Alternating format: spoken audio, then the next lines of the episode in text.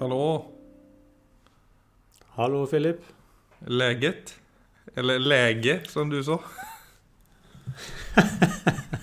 Eller hva var? Leget er, leget er bra.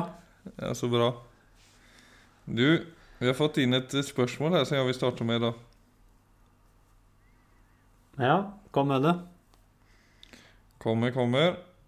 Det er følgende. Det handler om forelskelse, kjærlighet og hat. At Ja. en av våre lyssnare gjerne vil høre oss prate litt om det. Som han då, ja, det er to motpoler av sterke følelser som i hvert fall for han er nesten umulig å kontrollere. Ja.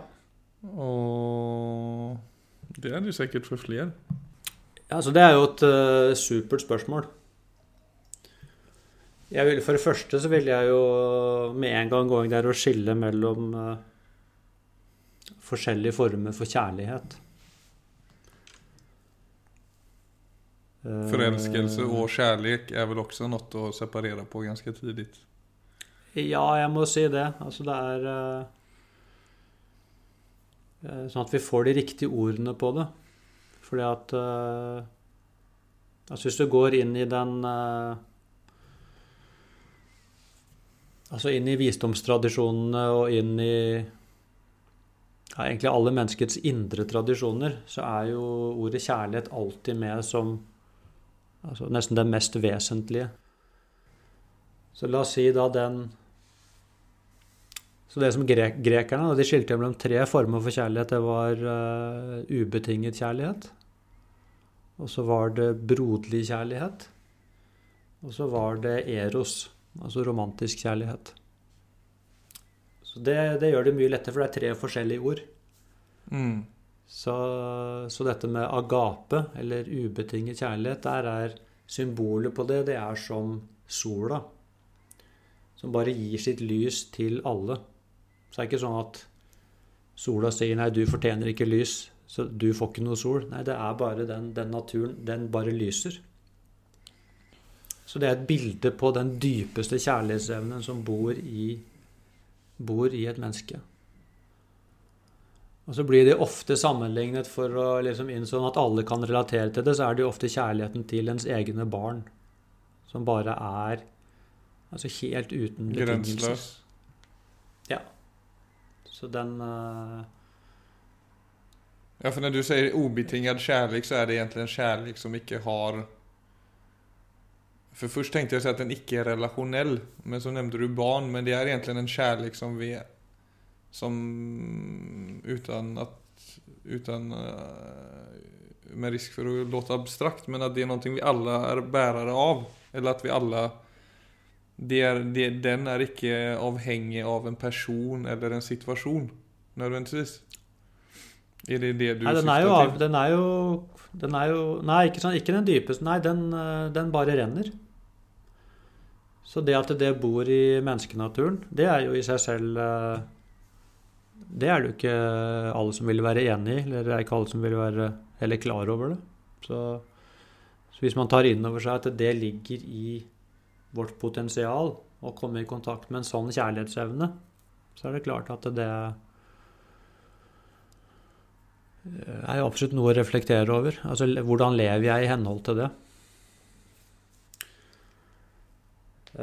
Og så har det selvfølgelig altså, broderlig kjærlighet, som er mye mer den Altså kjærlighet mellom, eh, mellom venner og sånne ting. Som, eh, som jo også er til å kjenne igjen.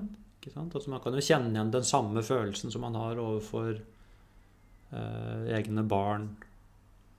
Eh, altså de som er de nærmeste, osv. Og, og så har vi da denne romantiske kjærligheten?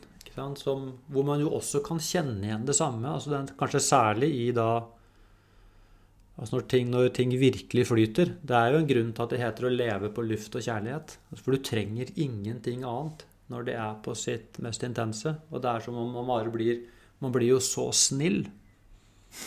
Og det er ingenting eh, Mm. Altså hvis folk er uhøflige mot eller sånne ting, så er det akkurat som du bare går rett igjennom. For du, du svever jo høyt over den type ting, for du er bare full av kjærlighet. Mm. Ja, det er veldig riktig.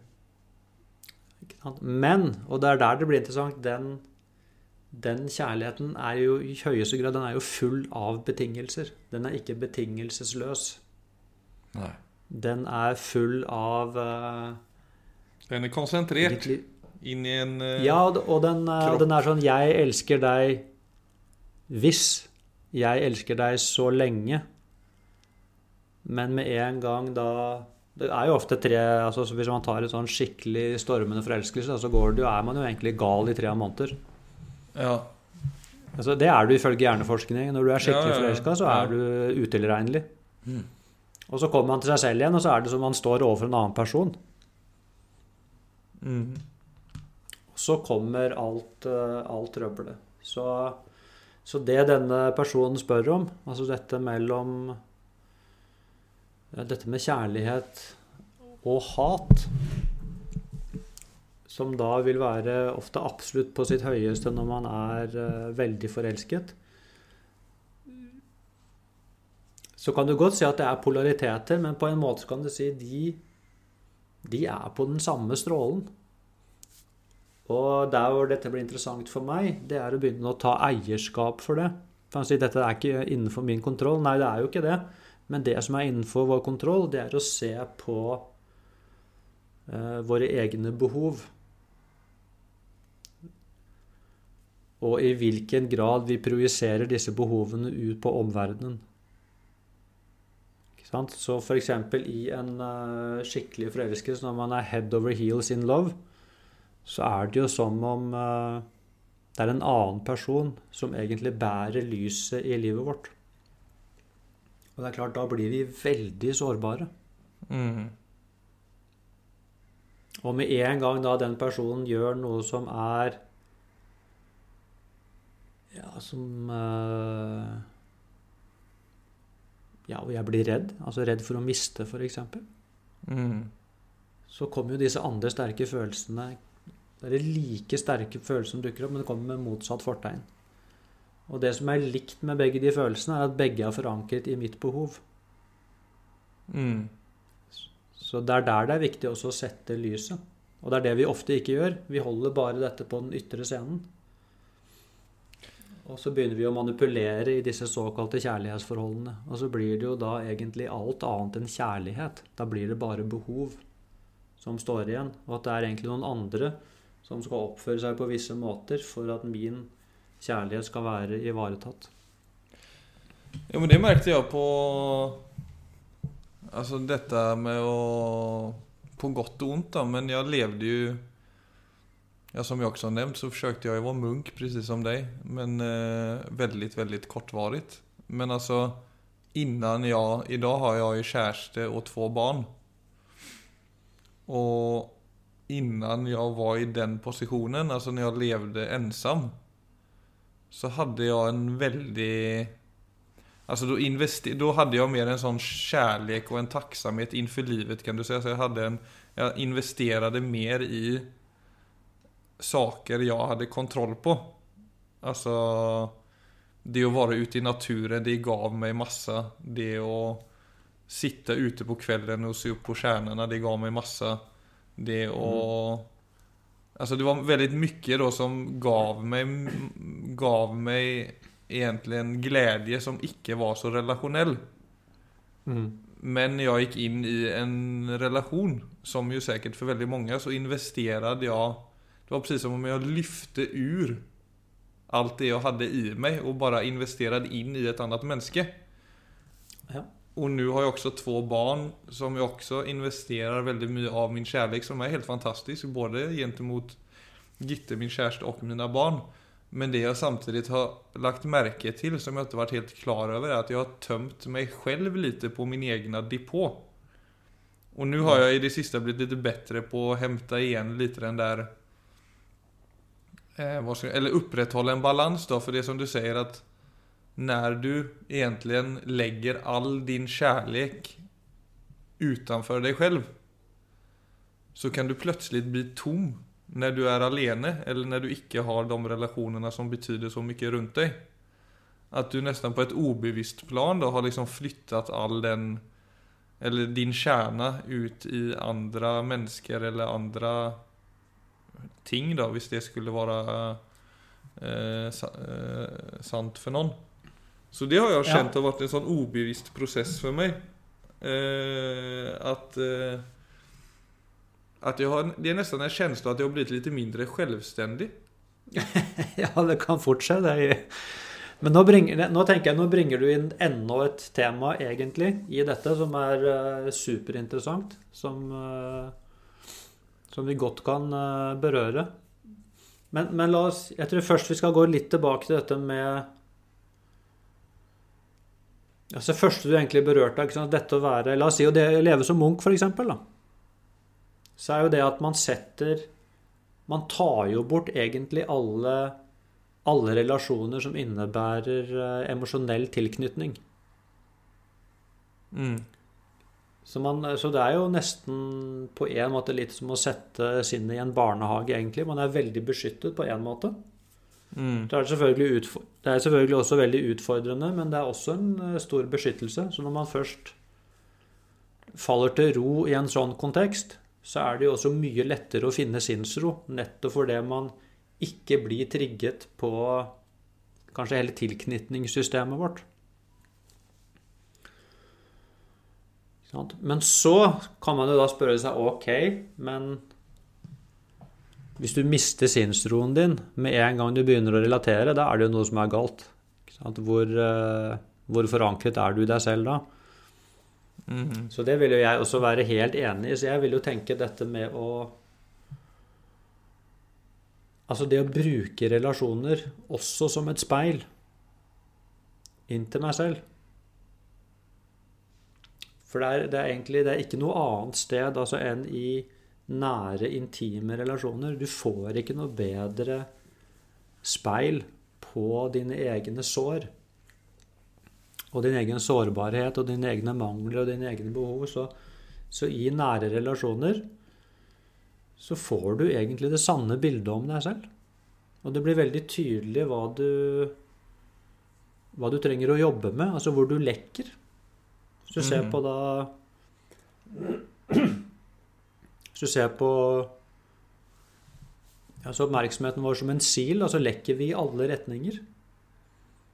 Så det å få øye på hvor, hvor er det jeg trenger å tette Der er ingen, ingenting jeg vet om enn relasjoner som er bedre bedre enn det til å få den type svar. Ja. Og da må man jo også Men det er jo veldig mange som er i relasjoner som ikke bruker relasjoner sånn. Det er jo veldig ikke uvanlig å være i relasjoner og bare projisere alle behovene ut. Men da tror jeg du vil oppleve litt som jeg aner i det spørsmålet vi fikk, at man blir en sånn eh, Det blir som en sånn rollercoaster ride, hvor man hele tiden bare blir kastet mellom disse utrolig sterke følelsene og har absolutt ingen opplevelse av kontroll. Mm. For da har du lagt Da har du gjort, egentlig gjort det motsatte av det stoikerne anbefaler. Da har du lagt eh, egentlig hele livet utenfor din egen kontrollsfære. Så hvis man skal ta det inn i kontrollsfæren igjen, så må man jo se når eh, Altså i sterke relasjoner, og så særlig det når man kjenner på dette Kanskje særlig når sjalusi begynner å dukke opp, og lysten til å kontrollere og, og endre på den andre, og til og med når sterke følelser som hat dukker opp, så er det utrolig viktig å sende den strålen innover igjen mot seg selv og si Altså, hva er det som skjer i meg nå? Altså hvor eh, Ja, der kan jeg direkte kjenne at det er noe som mangler. Altså om Ja. jeg vender den strålen mot meg selv øh, i en sånn situasjon, så kan jeg fort få en følelse at ok, det er noe i meg som ikke er på plass. Ja, nettopp. Og det var vel det jeg mente med det å ikke kjenne seg selvstendig heller. Det er litt den samme saken. Ja. At du eh, Och det tror jeg skjer for veldig mange. Jeg tenker også for foreldre. Alltså, du vet, det er jo også så omtumlende å få barn, og så er det så intenst i 15-20 år, og så flytter barnen ut, og så blir det et stort tomrum for mange foreldre. ja. At jeg tror omedvetet så går vi, går vi den veien, og det er også for at det er så starka krafter vi snakker om her. Både det, altså kärlek å få barn och det är ju krafter som eh, vänder upp och ner på livet. Så det är väldigt förståeligt att man hamnar där. Men jag tror det är ju desto viktigare då att, som du säger, att vända den strålen lite mot sig själv. Så att man inte blir helt uppslukt av det. För det är situationer man väldigt lätt blir helt uppslukt av. Och så kan man få en känsla av att man mister sig själv lite. Ja, definitivt. Det tror, men altså, det blir jo da Det spørs jo litt hva slags livsprosjekt er det egentlig Altså jeg har, og vi har. Og det er jo noe den enkelte må egentlig finne ut, men det er Altså det er jo veldig lett å Altså man bygger en familie, man bygger en karriere, og, og man er opptatt fra morgen til kveld hver eneste dag, og alt handler om egentlig å bygge et ytre liv. Vi er nettopp det. Jag, ja, du skal få fortsette med det. Men du skal fortsette, jeg må bare komme med en, med en liten inkyl. for jeg sa det til Gitte, for vi har ingen balkong her. Eh, vi hadde det tidligere i vår forrige leilighet, og så sa jeg det til henne i går. fan, jeg savner de stundene når bare du og jeg satt på balkongen i varandras selskap uten å si noe. Og bare, vi bare var ute. For det er noe, når du er inne så er du mellom fyra vegger, og du får inte samme ro på, av å liksom bare sitte og stirre. Altså ute på en balkong så er det en endeløs utsikt. Og du sitter i en relasjon du liker og det er en sånn følelse av space. Og det, Mm. og det, det var en sånn plass der jeg liksom bare sånn fyllde på av å bare være. Ja. Men når du er i karriere, og du har barn og det er så mye som skjer hele tiden. Så får du ikke de der utrymmene til å bare kjenne at ah, livet kan vara nice bara så som det är. Eller den där magiska känslan du kan få av, av en sån situation. Av att bara sitta ute och vara i tystnad med någon du gillar och ingenting speciellt ska ske. Men det, det är någonting man må ja, egentligen få utrymme for. Og det er jo vanskelig når det er eh, ting som skjer hele tiden. Ja, det er jo det sjette av de Men det er ikke et veldig moderne perspektiv, dette med å gi eh, altså næring til sjelen. Og, og da Hvis sjelen skal få næring, så skal det helst ikke skje så mye. For det er ikke da Altså, sjelen får ikke næring når vi hele tiden skal være stimulert. Så det å sitte under stjernene i stillhet, altså det er jo typisk eh, Da er det andre ting i oss som får næring. Og det samme kan det jo bli i et hverdagsliv. altså Når man hele tiden holder på å bygge et ytre liv, så, så er det som alle andre byggverk. Altså, de eh, De går i stykker. Og hvis jeg har investert hele min identitet inn i det, så Ja, først flytter barna ut, og så går man inn i en pensjonisttilværelse. Og hvis ikke det er bygget opp noen andre steder da, så vil man kunne gå inn i noe som for mange oppleves veldig tomt. Mm. Også på den eh, Og da bruker jeg det ordet sånn i ordets mest negative forstand. Altså det er ikke noe Og kanskje også at man ikke helt vet hvem man er. At det er det man oppdager. Altså hvem, hvem er jeg nå? Når, eh, Mm. når konteksten min er blitt helt endret. Så Og det er klart, i relasjoner så vil altså For å gå inn der igjen, så blir det også helt avgjørende for at hvis Hvis en relasjon egentlig bare skjer på den ytre banehalvdelen, altså da har du egentlig gitt fra deg kontrollen.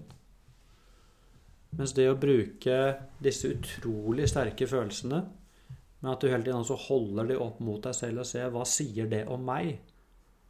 Hva sier det om eh, Altså, hvor er det jeg står i livet? Hvilken plattform står jeg på? Hva sier det om usikkerheten min? Altså, når jeg ser en partner, eh, når jeg blir redd for å miste, når jeg ser at han eller henne gjør ting som vekker frykt i meg, når jeg får Mm. lyst til å kontrollere Hvordan skal jeg forholde meg til det? Hvordan skal jeg forholde meg til det? Kan jeg tåle den usikkerheten, f.eks.? Jeg tror Hvis ikke du klarer å tåle usikkerhet, hvis ikke du klarer å tåle sårbarhet uten å bli sint, uten å begynne å kontrollere, så kan du egentlig Ja, så vil du egentlig aldri kunne være i en kjærlighetsrelasjon på ordentlig. Altså, jeg vil faktisk si det så sterkt. Altså, da vil du, du, da vil du alltid være et barn i relasjonene dine. Som krever at mamma og pappa skal være på en bestemt måte, og at det handler om mine behov. Og så lenge alt handler om mine behov, så blir det ikke noe virkelig relasjon. Mm. Det blir ikke noe kjærlighet, egentlig. Det blir behov. Så er veldig mye altså Ordet kjærlighet blir ofte brukt, men det blir brukt på en måte når jeg hører på det, så hører jeg her hører jeg ikke noe kjærlighet i det hele tatt. Her hører jeg bare behov. Og kanskje det har vært mye bedre å satt de rette ordene på det, for da blir det sånn Ja, det er det dette handler om. Og da går det plutselig opp, fordi at uh, kjærlighet og hat, altså virkelig kjærlighet, det bor ikke i samme rommet som hat. De har ingenting med hverandre å gjøre. Men behovene mine og hat, de har veldig mye med hverandre å gjøre. For med en gang jeg ikke får det jeg trenger, Mm. så blir jeg sint. Og da blir jeg sint for å prøve å kontrollere situasjonen. Og der er det jo veldig mye fint å se på, se på i seg selv. Ikke, da igjen, da. Da kommer alle disse mindfulness-holdningene inn. Så det å tåle og tørre å gå inn i de rommene i seg selv, for at de er jo ikke pene. Altså sånn som vi, sånn som vi ofte er oppdratt på å se. Der er det mye grums. Men å gå inn der med åpenhet, med vennlighet, med varme, uten dom, og rett og slett bare begynne å se hva er dette for noe? For da ser du rett inn i hvordan det er å være et menneske, altså hvordan det er for oss alle. Men du vil også da oppdage det at det går an å begynne å rydde i det rommet.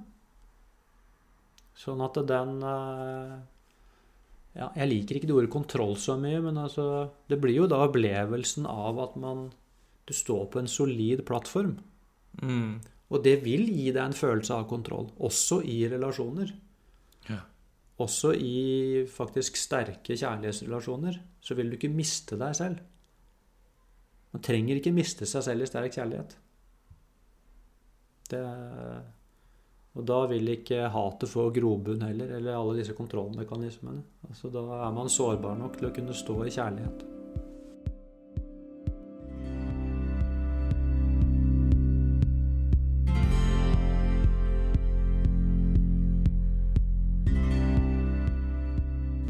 Jag har varit en sånn person der kärleken har vuxit Mm. eh, over tid. Jeg har inte varit Jag har nog aldrig varit stormförälskad på den måten som vi har snackat om.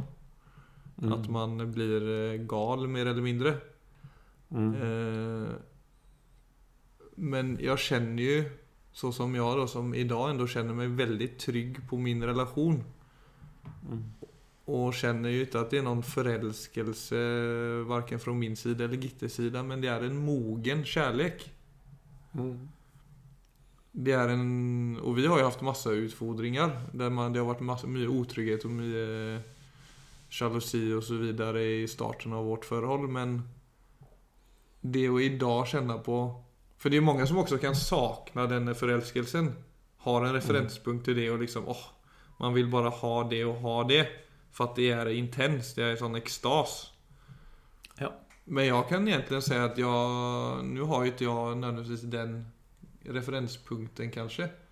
Men jag skulle aldrig vilja ersätta den solida födelsen det är av att ha en relation som är mer mogen då.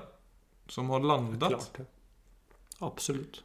Och som du säger, som gör det lite mer möjligt att gå den vägen man ska gå. Man lever var sitt liv och delar ett liv. Det är, ja, det som du säger, vad är alternativet? Den att kontrollera varandra, det... Ja, det blir jo det. Så alternativet er jo det motsatte av kjærlighet. Hvis du begynner å se på det. Så det er der det er så viktig å, å egentlig, Det er så viktig med språk, å finne de sanne ordene og se hva er egentlig dette. Så vil jeg si at veldig mye av det som kalles kjærlighet, det er bare kontrollmekanismer og usikkerhet. Det har ikke noe med kjærlighet å gjøre. Kjærligheten setter alltid fri. Mm. Så derfor så innebærer kjærlighet alltid også sårbarhet. Så kjærlighet er jo på den måten noe av det vanskeligste som fins. Det er mye lettere for oss å kontrollere. Men kon konsekvensen av kontroll Ja, det er det. Ja, det er akkurat det. ikke sant? Konsekvensen av kontroll er jo alltid at forholdet går i stykker. Så enten så går det i stykker sånn at det blir et brudd, eller så går det i stykker med at det kommer avstand imellom. Sånn at man kan bo sammen og leve sammen, men det er ikke noe Intimiteten har gått i stykker. For den Mhm. går i stykker når vi begynner å kontrollere hverandre. Da, da kommer vi ikke fram med hele hjertet vårt. Det å komme fram med hele hjertet sitt, så Det Da skal vi helst Altså, vi liker da helst å vite at vi blir, at vi blir møtt. Ellers så tør vi ikke. Så det er jo det vi selekterer disse få menneskene til. Altså der vi kan tørre å komme med hele oss. Og hvis eh, da den nærmeste begynner å kontrollere deg, så slutter vi å komme med hjertet vårt der òg, for da vet vi at det blir, det blir møtt på den måten. Og så slukner da den den eh, egentlig ilden. Mm. Så og det du sier om forelskelse og Filip, jeg tenker det er, eh, Forelskelse og kjærlighet er to, for meg to helt forskjellige ting. At forelskelse er egentlig bare høy energi. Mens det du snakker om som noe som vokser fram altså etter hvert i det stille, det er noe helt annet. Altså det er noe som virkelig, virkelig binder sammen. Mm. Mens det andre er i hvert fall noe som bare blir avhengighetsskapende. Altså man skal hele tiden være på en high. Mm. Og gå fra forelskelse til forelskelse. Men altså da Da kan, kan man spørre seg altså er, det noe, er det egentlig noe kjærlighet i det, eller er det bare noe helt annet? Mm. Nei, det er sårbart som du sier, samtidig. Og altså, når jeg tenker på det, det er, det, det er klart en En veldig herlig følelse når man ikke opplever at man kontrollerer hverandre lenger. Men det er jo det med at Det å slippe hverandre fri på den måten Det innebærer jo også at man følelsesmessig tar den risken i at, man at livet som jo alt annet, er ovisst Relationer kan Mm. gå i stykker Mm. Altså Alltså vare sig vi Absolutt. kontrollerer det eller om vi setter hverandre fri. Men det er är liksom så lenge vi er sammen, så er det ikke bedre å sette hverandre fri. Ja, og da kommer man kanskje en refleksjon som man må Og den må man jo ta med seg selv. Altså Det å leve et liv altså uten uvisshet. Uten å kjenne at nå Altså, nå har jeg ikke kontroll. Nå øh, Kjenne på sårbarhet. Altså, er det egentlig et liv man ønsker å leve? Altså, er det mulig å leve et godt liv egentlig uten å kjenne til overfor eksistensen? Så så har du Du har ingen kontroll i det hele tatt. Så vi aner jo ingenting om neste øyeblikk. Så det å gå inn der og se hva er egentlig, som vi har snakket om mange ganger før, hva er egentlig et godt liv? Så tror jeg, hvis du først begynner å få litt erfaring inn i begge disse måtene å leve på, så er det for meg helt klart at eh, det å stå naken overfor eksistensen, det er å leve. Det er det som er å være levende. Mm. Helt åpen i systemet, med et åpent hjerte og et åpent sinn. Og da begynne å møte øyeblikket sånn som det er. Og ikke at jeg hele tiden skal insistere på hvordan øyeblikket skal være. Ja, eller hur min partner bør være, eller bør uppträda.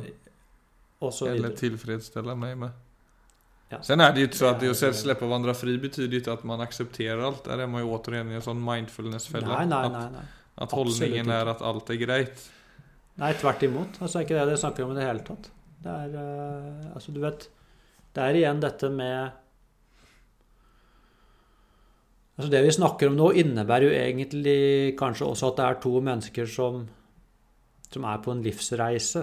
Altså hvor det er en uh, Hvor et forhold blir egentlig en base og en form for kultivering av det å være menneske. Ikke bare det hele tiden å søke nye opplevelser. Altså, for da blir det noe helt annet. Så det er jo da et eh, Så i den kjærligheten og den friheten, hvis ikke det ligger også eh, et ansvar der, f.eks., så kan jeg ikke se hvordan det skal gå opp. Altså det, er en, det er noe som heter å være et modent menneske.